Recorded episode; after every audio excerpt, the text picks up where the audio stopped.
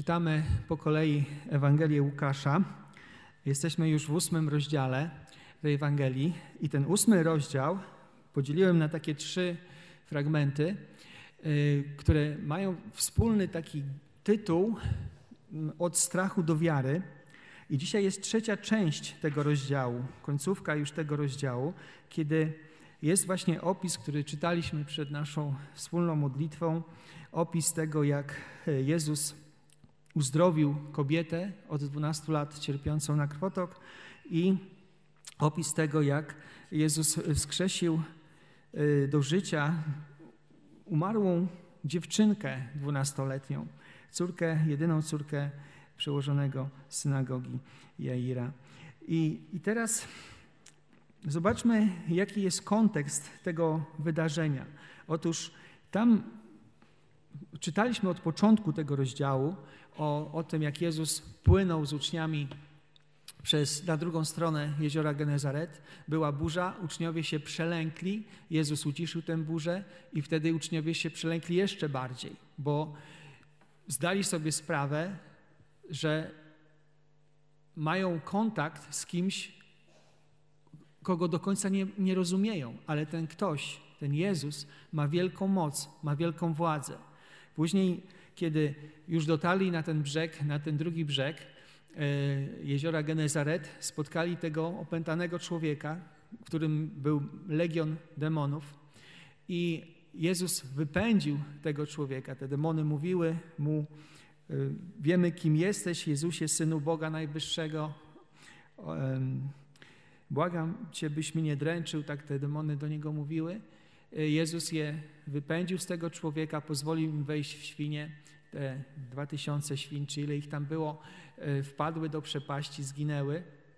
I wtedy ludzie, którzy się o tym dowiedzieli, którzy byli tego świadkami, byli tak przestraszeni, że, że prosili Jezusa, żeby opuścił ten teren y, tego, tego wydarzenia, te ich, ich, ich obszar, gdzie oni mieszkali.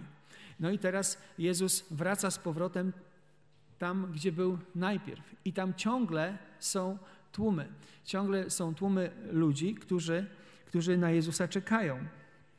I wśród tych, tego tłumu przyciska się, możemy sobie wyobrazić, Jair, bardzo zmartwiony, przejęty, rozpycha się, bo chce stanąć przed Jezusem, bo jego jedyna córeczka, dwunastoletnia córeczka, umiera.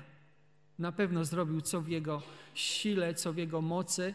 Y, zawołał najlepszych doktorów, na których było stać, najlepsze praktyki. Nikt nic nie mógł zrobić, nikt nie mógł pomóc, a ona leżała w domu, zostawił ją pod opieką i poszedł do jedynego źródła, do którego, które przyszło mu do, do głowy, czyli żeby poprosić się Jezusa. Bo Jezus już wcześniej dał świadectwo tego, że uzdrowił y, wiele osób. I przychodzi do niego i zobaczcie, jak on się zachowuje. Gdy, gdy czytamy tutaj 41 e, werset, e, Jair, mimo tego, że zajmował znaczną pozycję, był przełożonym synagogi, e, czytamy, przypadł do stóp Jezusa i błagał go. Przypadł do stóp Jezusa i błagał go, żeby wszedł do jego domu. Zauważcie, że Jezus że Jezus powrócił z tego kraju, gdzie były świnie, gdzie, gdzie były te demony i to wszystko. Można by było się spodziewać, że ten Jair, który był przełożonym synagogi, on może mieć jakieś takie, wiecie, y, taki dystans, bo, bo, bo Jezus miał kontakt z, z, jakimiś nieczystymi ludźmi, czy w jakiś sposób był zanieczyszczony rytualnie, ale nie, ten człowiek przychodzi do stóp tak jak podejrzewam, każdy z nas, rodziców, by padł do stóp komuś, kto by był w stanie e, uzdrowić nasze umierające e, dziecko. E, bo czytamy, właśnie jedyna córka, prawie dwunastoletnia, była umierająca.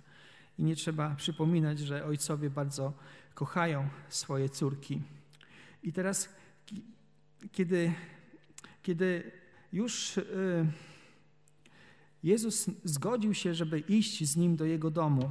Tak, tu trzeba to rozumieć. I ten tłum był zewsząd. Dotykali go, y, przeciskali się. Uczniowie gdzieś tam w pobliżu spróbujmy sobie to wyobrazić jak na scenie, może z filmu, że, że, że, że, że Jezus idzie do tego domu Jaira, Jair gdzieś tam z przodu, Jezus tuż za nim, a tłum jest wokół. I w tym tłumie jest jedna kobieta, wyróżniona. Jedna kobieta, która, która od 12 lat, tyle samo lat, ile miała ta córka, y, od 12 lat cierpi na krwotok. Y, tutaj nie jest powiedziane, jaki to był krwotok. Ja podejrzewam, że to nie był krwotok z nosa. Tak? To, to, był, to był krwotok y, taki, powiedzmy, no, jak kobiety mają cykl miesięczny i to po prostu czasami się przedłuża, a w jej przypadku nie ustało od 12 lat. I, i, i to było czymś, co, co było jej cierpieniem. Czytamy, że y, cokolwiek mogła zrobić przez te 12 lat, to zrobiła. Cały swój majątek de facto przeznaczyła na to, żeby, żeby, żeby móc być uzdrowioną. Tamtejsza współczesna, ówczesna medycyna była jaka była, ale nikt nie mógł jej pomóc. Nikt nie mógł jej poratować i rytualnie patrząc, każdy, każdy taki wyciek krwi zanieczyszczał osobę. Ona przez te 12 lat żyła jako osoba, która nie może przyjść do synagogi, nie może się spotkać z innymi ludźmi, dlatego że ciągle rytualna nieczystość na niej y, spoczywała. Ona nie dokonała oczyszczenia siebie, które prawo wymagało, żeby móc pójść do, i być z innymi ludźmi. Jako nieczysta też nie mogła być, no nie mogła nikogo dotykać. Nie wolno jej było, dlatego że kogokolwiek by dotknęła, ten ktoś stawałby się nieczysty. I tak, i tak dalej. I to, to, to było 12 lat takiego społecznego odrzucenia, takiego cierpienia po prostu i, i desperacji. Teraz patrzymy, że ona w takiej desperacji z pewnym przerażeniem czytamy gdy podeszła od tyłu i dotknęła z kraju jego płaszcza, zaraz ustał jej krwotok. Ustał jej krwotok. I ten, to wydarzenie Jezus za, zarejestrował, czy, czy, czy, czy zauważył, że ktoś go dotknął inaczej niż ci wszyscy inni ludzie, którzy byli wokół niego, którzy go dotykali. To był skraj jego szaty czy skraj jego płaszcza, w zależności od tłumaczenia, ale ta kobieta nawet, nawet nie stanęła twarzą w twarz z Jezusem, tak jak Jair, nie padła mu do stóp, ale tak jakby, tak jakby no, z tyłu i jakby tak no, na wyciągnięcie ręki, na, że, że, że udało jej się, bo ci wszyscy ludzie przecież tam byli, odpychali, mogli ją odpychać, mogli jej nie pozwalać na to, a ona, ona miała takie przekonanie, takie pragnienie i to, i to zrobiła. I teraz e, to, co się stało, na pewno ją zaskoczyło, dlatego że Jezus się zatrzymał. Jezus się zatrzymał i tak jak ona myślała, że, że może Jezus nie zauważy, że ona go dotknęła, to Jezus zauważył, że go dotknęła. Co jeszcze, co więcej, e, chciał, żeby to stało się oficjalnie dla wszystkich widoczne, kto go dotknął. Kto go dotknął. I teraz pyta się, kto mnie dotknął? Podczas gdy wszyscy e, się zapierali, Piotr powiedział: Panie, tłumy cisną się do ciebie i napierają. Na zasadzie takiej, no jest tyle ludzi, którzy cię dotknęło, skąd mamy wiedzieć, kto cię dotknął, o, o, o kogo ci chodzi? Tak? Natomiast Jezus jednak potwierdził: Ktoś mnie dotknął, bo poczułem, że moc wyszła ze mnie. Poczułem, że moc wyszła ze mnie. Czytaliśmy wcześniej w Ewangelii Łukasza, że Jezus już dokonywał mnóstwa różnych uzdrowień, już wcześniej tych znaków dokonywał. Czytamy również, że dokonał wskrzeszenia, y, był to syn wdowy z Nain. Kiedy już kondukt żałobny szedł, żeby pochować tego syna, to kiedy się spotkali z Jezusem, Jezus wskrzesił tego, tego młodego człowieka. Tak samo wcześniej uzdrowił bardzo wielu ludzi. I y, zobaczcie, że w Ewangelii Łukasza Może to nam umknęło, piąty rozdział, siedemnasty werset. Tam czytamy tak, pewnego dnia, gdy nauczał, siedzieli tam też faryzeusze i nauczyciele prawa, którzy przybyli ze wszystkich miejscowości Galilei, Judei i z Jeruzalem, a Pan dał mu moc uzdrawiania. A Pan dał mu moc uzdrawiania. Ja sobie czytałem ten, ten fragment i tak sobie się zastanawiałem, czy, czy to były jakieś takie momenty, dni, czy y, jakieś takie okresy, kiedy Jezus w szczególny sposób miał moc uzdrawiania, czy on cały czas, o każdej porze i o, o każdym czasie mógł uzdrawiać. Tutaj Łukasz nie, stara się jakby pokazać nam, czy pokazuje nam, że, że w tym właśnie momencie Bóg dał Jezusowi taką specjalną niejako moc do uzdrawiania. Czytamy też y, wcześniej w szóstym rozdziale 19, werse, 19 wersecie, a cała Rzesza pragnęła się go dotknąć, dlatego że moc wychodziła z niego i uzdrawiała wszystkich. Tutaj to określenie znowu się pojawia, że moc wychodzi z Jezusa. I, i to nie jest jakaś taka magiczna moc, tylko rozumiemy, że to, co Jezus czynił, to czynił mocą Ducha Świętego. To dlatego, że Duch Święty działał, ludzie byli uzdrawiani, demony były wypędzani, niemi odzyskiwali głos, a chromi mogli chodzić. To było działanie Ducha Świętego. Później pamiętacie, była ta kontrowersja, że Żydzi i faryzeusze zarzucali Jezusowi, że mocą księcia demonów wypędza demony. A Jezus mówi o tym, że, że, że on palcem Bożym to robi, tak, że, że, że, że, że nie można bluźnić przeciwko Duchowi Świętemu. To nam wskazuje na to, że to, czego Jezus dokonywał, dokonywał w mocy Ducha Świętego. I działo się to za, za sprawą Ducha Świętego.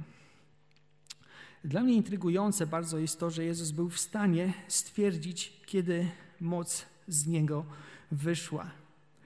I to, co, to, co tutaj czytamy dalej, yy, yy, kiedy kobieta spostrzegła, że się nie ukryje, drżąc, podeszła, upadła przed nim i powiedziała, z jakiego powodu go dotknęła, i jak nagle została uzdrowiona. Z jakiego powodu go dotknęła, i jak nagle została uzdrowiona. Y, zobaczcie, że przez ten dwunastoletni okres ta kobieta była wyrzutkiem społecznym. I teraz Jezus była, była nieczysta. I ona to, co zrobiła, to złamała prawo, dotykając człowieka, będąc nieczystą, prawo mojżeszowe. I ona była przerażona. Przerażona tym, co może ją spotkać, że, że Jezus ją osądzi jako kogoś, kto, kto jest winny tego, że ona go dotknęła.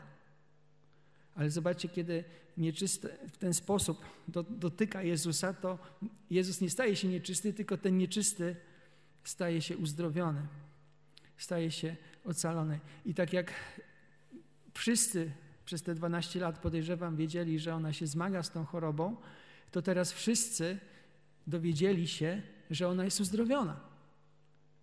Być może właśnie dlatego Jezus chciał, żeby ta jej deklaracja i to uzdrowienie stało się publicznym wydarzeniem, takim, którego ludzie będą świadkami, żeby przywrócić tę kobietę do społeczeństwa, żeby, żeby mogła normalnie funkcjonować z innymi, żeby ludzie nie mieli do niej, do niej dystansu i nie dowierzali. I zobaczcie, że to, co się stało tutaj, ona, ona była przerażona i też y, możliwe, że była y, zdjęta tym lękiem, dlatego że rzeczywiście doświadczyła Bożej mocy na sobie, na swoim ciele. Do, doświadczyła Bożego działania w sposób całkowicie ponadnaturalny, całkowicie niewytłumaczalny medycznie. Zobaczyła na swoim ciele, że, że y, krwawienie, ten krwotok ustał. I powiedziała o tym Powiedziała o tym Jezusowi. I wtedy Jezus, zobaczcie ten 48 werset, bardzo taki delikatny, powiedziałbym nawet, nie wiem czy słowo czuły sposób jest tutaj e, no, dobrym słowem, ale on się zwraca do niej, córko. córko. Tak jakby ona stała się, tak jakby ona stała się kimś z jego domu, kimś z jego, z jego, e, domo, z jego domostwa. Pamiętamy, że, że Jezus mówił, że ci są moją matką i siostrą i, i bratem, którzy pełnią wolę, którzy mnie słuchają i pełnią wolę Ojca. I tutaj się okazuje, że on do tej nieznajomej kobiety, którą pierwszy raz widzi na, na oczy, mówi tak, jak, jak się mówi do, do, do córki, do, do najbliższego domownika. I mówi coś takiego, że właśnie, że, że wiara Twoja Cię uzdrowiła. Idź w pokoju. Idź w pokoju. Już Twoje życie będzie nacechowane pokojem, a nie niepokojem. Wiara Twoja Cię uzdrowiła. Zauważcie, że Jezus nie mówi tutaj, w co ona wierzyła.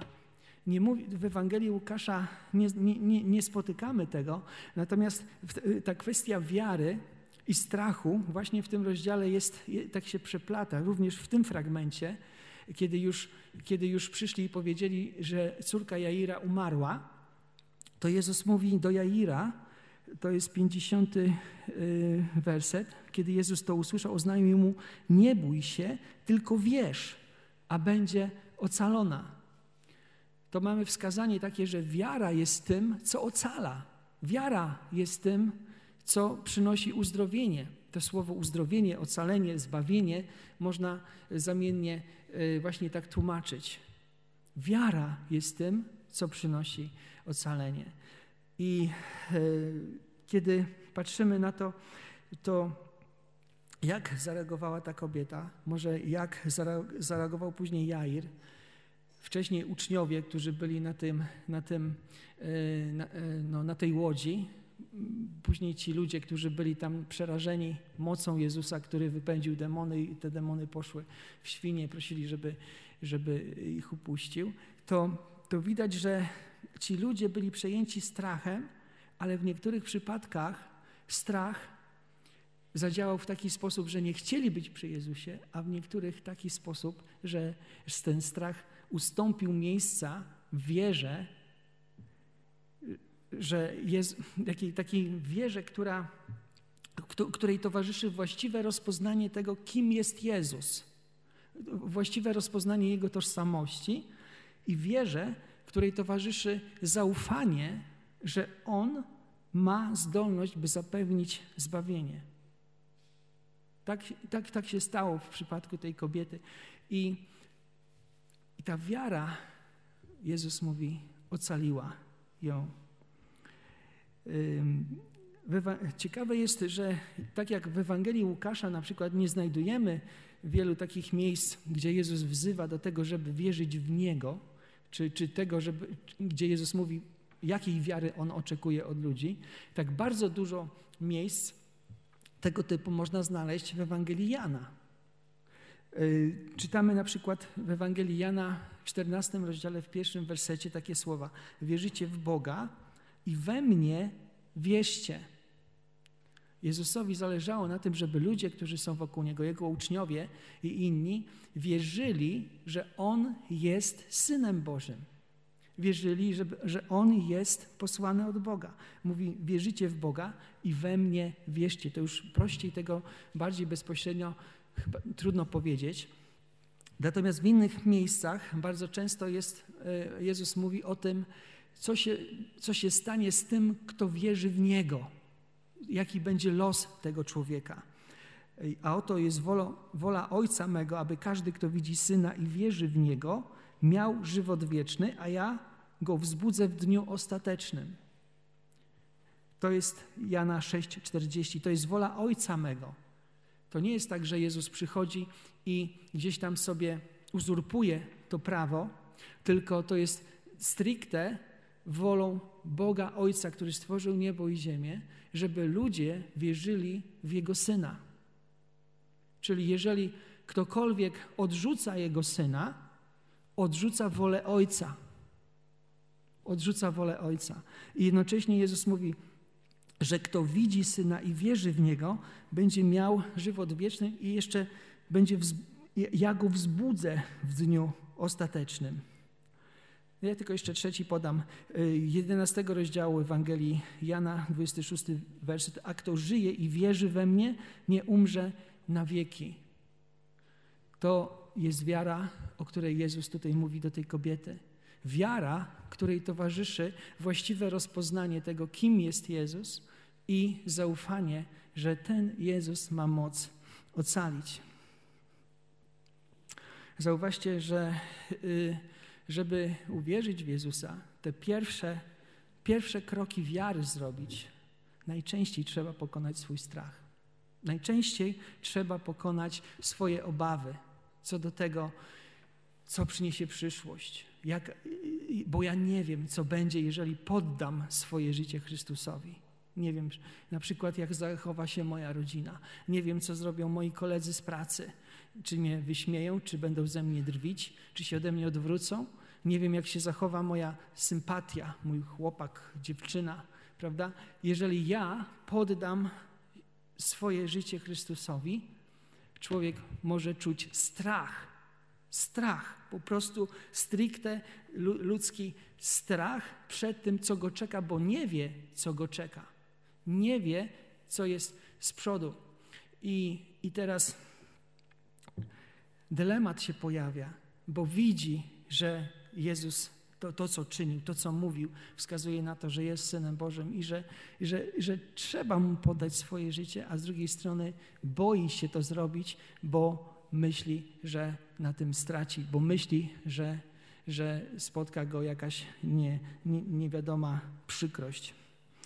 I to jest coś, co, co jest charakterystyczne, co nas łączy z tymi ludźmi, zauważcie, że my boimy się uwierzyć Chrystusowi. My boimy się.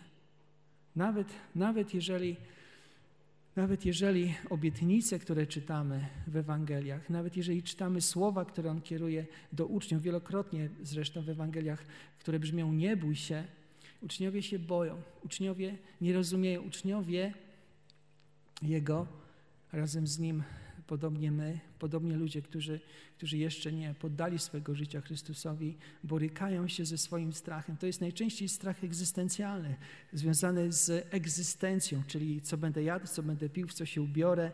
To jest często strach związany z relacjami, właśnie związany z tym, że nieprzyjacielem staną się domownicy, tak, y, kogoś, kto pójdzie za Chrystusem.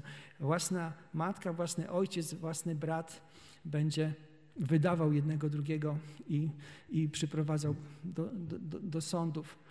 I to, to, jest, to, to są tego rodzaju obawy, które towarzyszą ludziom, jeżeli my jako ludzie stajemy wobec y, rzeczywistości duchowej, która mówi i, i, i rozumiemy gdzieś, że ta rzeczywistość duchowa domaga się od nas decyzji, domaga się od nas pójścia, domaga się od nas zaufania i poddania się temu. I zauważcie też, że jest jeszcze inny powód naszego strachu przed Bogiem. I tym innym powodem naszego strachu jest to, że my jako ludzie jesteśmy grzesznymi ludźmi, a te rzadkie momenty, kiedy Bóg nam odsłania swoją świętość, swoją wielkość, swój majestat, swoją chwałę, po prostu nas przerażają. Nie wiem, czy mieliście tego rodzaju doświadczenie. Ja, ja mogę powiedzieć, że na pewno raz w życiu, nawet powiedziałbym przed, zanim się nawróciłem, kiedy czytałem Apokalipsę świętego Jana, to miałem takie poczucie y, ogromnego po prostu strachu ale to, to był strach związany z, świadomością Bożej wielkości. Nie, nie, nie wiem, jak to do, dobrze ująć, ale, ale są przykłady z, z, z, z Nowego Testamentu i Starego Testamentu ludzi, którzy doświadczyli Bożej obecności i nie było to doświadczenie na zasadzie takiego miłego doświadczenia e, akceptacji, radości, e, jakiejś takiej no, wybuchu szczęśliwości, tylko to było doświadczenie, któremu towarzyszył lęk, bojaźń, wręcz strach, przerażenie nawet. Zobaczcie, w Nowym Testamencie Szymon Piotr Pamiętamy, czytaliśmy to wcześniej w piątym rozdziale Ewangelii Łukasza, kiedy wyłowił te ryby. Sieci były pełne, na słowo Jezusa wyłowił. I co powiedział? Odejdź ode mnie, Panie, bo jestem grzesznym człowiekiem. On sobie zdał sprawę, że ma do czynienia z kimś, kto jest święty, kto jest, kto, kto jest wielki. I to zestawienie mojej nieświętości czy grzeszności i świętości Boga powoduje, że ja nie czuję się dobrze w obecności świętego majestatu pełnego chwały. E, potem Jezus mówi do niego: Nie bój się, odtąd będziesz łowił ludzi. Zobaczcie, znowu Jezus mówi, mówi do człowieka: Nie bój się, bo Piotr się bał. Piotr się bał. E, czytamy e, opis na przykład przemienienia Jezusa, Jezusa na górze w Ewangelii Marka, 9 rozdziale. I tam Piotr znowu i jeszcze dwaj uczniowie są i w tym przemienieniu jest obecny Eliasz i, i Mojżesz i tam czytamy, odezwawszy się Piotr, rzekł do Jezusa, mistrzu, dobrze nam tu być, rozbijmy trzy namioty, Tobie jeden, Mojżeszowi jeden, Eliaszowi jeden. Nie wiedział bowiem, co ma powiedzieć, bo ogarnął ich lęk. Znowu mają kontakt bliski z Bożą obecnością i reagują lękiem, strachem, bo ludzka przypadłość, ludzka natura reaguje strachem w obecności Boga, który jest święty i pełny, pełnym majestatu. Maria, kiedy anioł z nią rozmawiał, pierwsze słowa, które Maria usłyszała od anioła, znowu ponadnaturalny posłaniec przemawia do człowieka i anioł mówi: Nie bój się, Mario, nie bój się. Znowu pierwsza reakcja Marii jest strach. Czytamy o Zachariaszu, który miał widzenie przy składaniu ofiary, też właśnie w Ewangelii Łukasza czytaliśmy, kiedy y, był tam, anioł się pojawił, anioł zaś powiedział do niego: Nie bój się, Zachariaszu, Twoja modlitwa została wysłuchana. Znowu mamy człowieka, który w Bożej obecności boi się. Prorok Daniel w Starym Testamencie, kiedy miał wizję, osłabł tak bardzo, że nie mógł wstać. I, i znowu posłany został do niego anioł, w dziesiątym rozdziale jest to opisane, i mówi do niego: nie bój się, Danielu, gdyż od pierwszego dnia, gdy postanowiłeś zrozumieć i ukorzyć się przed swoim Bogiem, słowa Twoje zostały wysłuchane, a ja przyszedłem z powodu Twoich słów.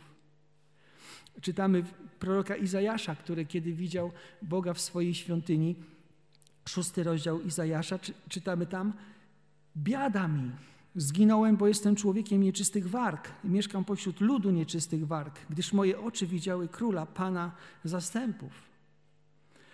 I, I, na końcu Mojżesz, to jest, to jest cytat z listu do Hebrajczyków, 12 rozdział, e, że kiedy Bóg się objawił na górze, kiedy było, e, kiedy było zawierane przymierze, to było zjawisko tak straszne, e, a to, i, i autor Hebrajczyków pisze tak, a to zjawisko było tak strażone i drżące. Jeżeli, jeżeli ci ludzie, opisy z Starego Nowego Testamentu są takie, że Boża obecność, jak przychodzi, jak się pojawia Bóg, to powoduje w nich lęk, powoduje w nich strach. Zobaczcie, że to jest związane z tym, że jest to obecność świętego Boga, potężnego, pełnego majestatu, pełnego chwały w pobliżu, w pobliżu człowieka, który, który jest grzeszny, który, który, który nie wykonuje woli tego Boga tego majestatu. Z jednej strony moglibyśmy powiedzieć, że świętość Boga jest czymś pięknym, niezwykłym, zdumiewającym, czymś naprawdę takim, za, za czym się tęskni, a z drugiej strony jest również czymś, co powoduje po prostu w człowieku lęk. Można tęsknić za świętością, taką jaką Bóg ma, i jednocześnie lękać się tej, tej, tej świętości. Ta chwała i majestat e, muszą być przed nami zakryte, bo byśmy nie przeżyli, gdyby została nam w pełni odsłonięta. Y, pamiętacie może w Księdze Mojżesza, pierwszej Księdze Mojżeszowej, 33 rozdział, tam Mojżesz prosi Boga o to, żeby mógł ujrzeć Jego chwałę. I co Bóg mówi mu? Y, Bóg musiał najpierw Mojżesza ochronić. I to, co pozwolił mu zobaczyć, to tylko oddalający się skrawek tej, chwa tej chwały. Po co? Po to, żeby Mojżesz mógł to przeżyć. My mamy pieśni, które śpiewamy w Twojej obecności i tak dalej, i tak dalej, ale że jeżeli byśmy doświadczyli tego, co Mojżesz, czy tego, co prorok Izajasz, czy Piotr na górze przemienienia, bylibyśmy, podejrzewam, tak samo przejęci lękiem, bo mielibyśmy bliskość tego, tej wielkiej chwały, tego wielkiego Boga. I te, ten ósmy rozdział, tak już y, całościowo na niego patrząc, zobaczcie, że te trzy wydarzenia, ta burza, która została uciszona, te demony, które zostały wypędzone, y, wskrzeszenie, które się dokonało, uzdrowienie, które się dokonało, y, pokazują, objawiają nam tożsamość Jezusa. Pokazują nam Go jako kogoś, kto ma autorytet, absolutne panowanie nad stworzeniem widzialnym i niewidzialnym, nad chorobą i nad śmiercią. Taki autorytet może mieć tylko Bóg. I ci, którzy tam byli, uczniowie i inni, mogli na to patrzeć i mogli wyciągać wniosek. Mogli y, się zastanawiać, jak to pogodzić, że człowiek, który jest człowiekiem i chodzi pośród innych ludzi, ma autorytet, który tak naprawdę może mieć jedynie Bóg. Później w liście do, do Kolosan e, czytamy takie słowa, które są tam zapisane, e, że właśnie, które wskazują na to, że Jezus miał taki autorytet, bo żyjąc na ziemi był człowiekiem, w którym zamieszkała cała pełnia boskości bo Bogu się tak upodobało, żeby w nim zamieszkała cała pełnia boskości. Kolosan 1:19 i 2:9. I teraz e, znaki, które Jezus dokonał, te ponadnaturalne znaki wskazują na Jego tożsamość, wskazują na to, e, kim On jest. Mianowicie, że jest Synem Bożym, posłanym przez Boga. Jest wolą Boga, żeby w Niego uwierzyć. I tak jak wtedy, my dzisiaj również możemy reagować albo strachem i nie chcieć mieć z nim do czynienia, albo pokonać nasz strach i reagować wiarą, wiarą taką, jaką miała ta kobieta, wiarą, która ufa, że On ma moc ocalić. Sytuacja jest taka, że mało kto z nas może powiedzieć, że widział to wszystko na własne oczy że widział, jak, jak mocą Bożą są wypędzane demony, jak, jak są uzdrawiani ludzie, jak, jak są wskrzeszani ludzie. Na przestrzeni wieków niektórzy ludzie widzieli, niektórzy ludzie doświadczyli, ale duża część nie widziała i nie doświadczyła. I teraz zobaczcie, że sięgając znowu do Ewangelii y, Jana, tam, tam słowa, które Jezus mówi do Tomasza, kiedy się z nim spotkał, brzmiał tak: Uwierzyłeś, ponieważ mnie ujrzałeś. Błogosławieni, którzy nie widzieli, a uwierzyli. Błogosławieni, którzy nie widzieli, a uwierzyli. Jeżeli jesteśmy w takim gronie, którzy nie widzieli, a uwierzyli, to w oczach Jezusa jesteśmy tymi błogosławionymi, bo, bo On jest Synem Bożym. Jeżeli pokonaliśmy swój strach, podeszliśmy do Niego, wyznaliśmy swoje grzechy, On nas uzdrowił. Słuchajcie, to nie jest tak, że pokonaliśmy strach raz i do końca życia nie będziemy się bali, bo te strachy różne powracają. Strach o utratę zdrowia, strach o utratę pieniędzy, strach o utratę relacji. Co jakiś czas gdzieś tam się pojawia, gdzieś tam, gdzieś tam powraca jak taki wyrzucony bumerang ale nie pozwólmy, aby tego rodzaju strach do tego stopnia nas sparaliżował, żebyśmy nie mogli, żebyśmy nie zrobili tego, co powinniśmy robić, albo żebyśmy robili to, czego nie powinniśmy robić. bo w taki sposób możemy zareagować, kiedy pojawia się strach. Albo możemy ze strachu być nieposłuszni Bogu, albo możemy ze strachu e, robić to, czego nie powinniśmy. E,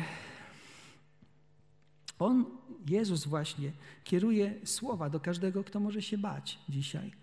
Te słowa, które myślę, że bardzo wielu z nas zna. Pójdźcie do mnie wszyscy, którzy jesteście spracowani i obciążeni, a ja wam dam ukojenie. Do swoich uczniów pośród sztormu mówi: Ja jestem, nie bójcie się. To są słowa, które Jezus kieruje już do swoich uczniów. Nie bójcie się. I dlatego możemy od strachu przejść do wiary i żyć, mając taką świadomość, że Jezus jest Synem Bożym, który może ocalić.